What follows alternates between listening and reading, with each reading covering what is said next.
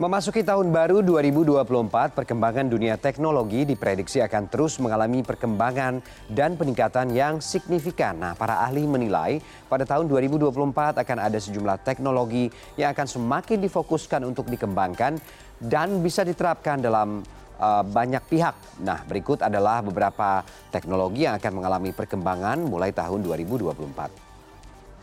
Memasuki momen pergantian tahun, para ahli memprediksi bahwa pada tahun 2024 akan banyak sekali teknologi yang terus berkembang untuk bisa memudahkan kehidupan masyarakat.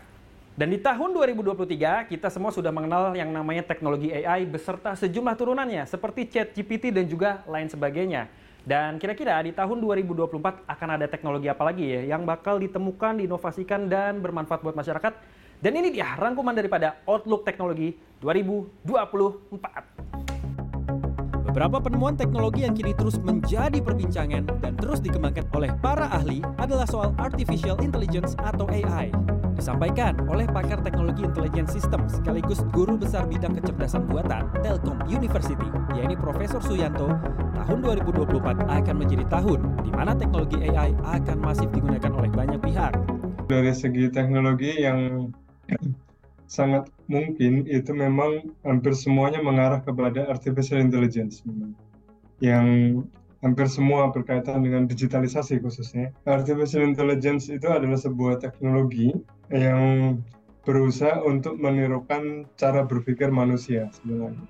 Nah, ini dari segi logiknya khususnya. Profesor Suyanto juga mengatakan, perkembangan AI berbasis linguistik maupun berbasis video atau gambar akan masih digunakan, baik untuk di bidang perniagaan, perbankan, pendidikan, manufaktur, serta lainnya.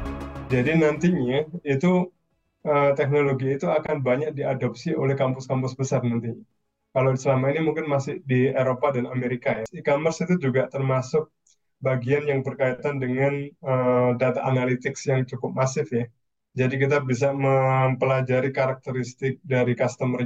Meski begitu, Profesor Suyanto mengatakan ada risiko yang harus dihadapi oleh masyarakat dalam perkembangan AI yang terjadi, seperti misalnya bidang pekerjaan yang akan menghilang karena perannya digantikan oleh AI. Sementara itu, perkembangan teknologi lainnya yang masih terus dikembangkan mulai tahun depan adalah teknologi komputer kuantum atau quantum computing.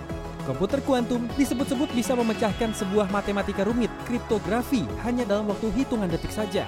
Di mana, jika dibandingkan dengan teknologi komputer konvensional yang ada saat ini, membutuhkan waktu ribuan bahkan jutaan tahun untuk dapat menyelesaikan soal yang sama.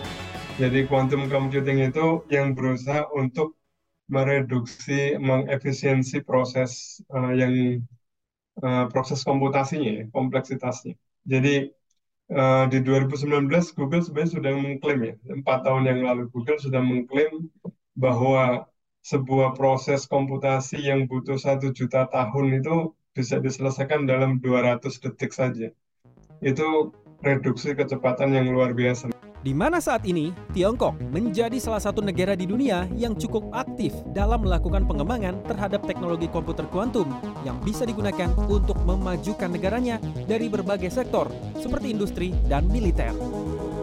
Selanjutnya, perkembangan yang masih terus dilakukan adalah teknologi virtual reality maupun augmented reality yang diprediksi akan menjadi gaya sekaligus cara hidup masa depan masyarakat di dunia.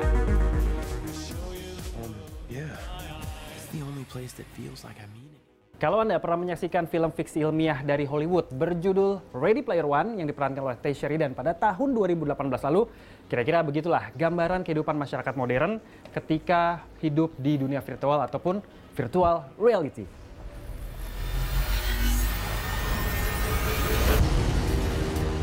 Oh, uh, Seru banget ternyata ya. Nah, kalau di dunia nyata, konsep daripada virtual reality ini diusung sama pendiri Facebook sekaligus Meta. Siapa lagi kalau bukan Mark Zuckerberg yang memperkenalkan jagat Meta ataupun Metaverse pada Oktober 2021 lalu. Nah, mungkin tujuannya adalah supaya masyarakat ini bisa pindah nih dari dunia nyata ke dunia maya. Tapi kira-kira gimana nih prediksi daripada nasib VR ataupun Metaverse di masa yang akan datang? Karena sejauh ini sepi-sepi aja tuh kayaknya. Perkembangan teknologi VR dan AR dikatakan oleh sejumlah ahli masih akan dihadapkan oleh sejumlah kendala. Salah satu yang terbesar adalah kecepatan jaringan internet global yang belum memadai.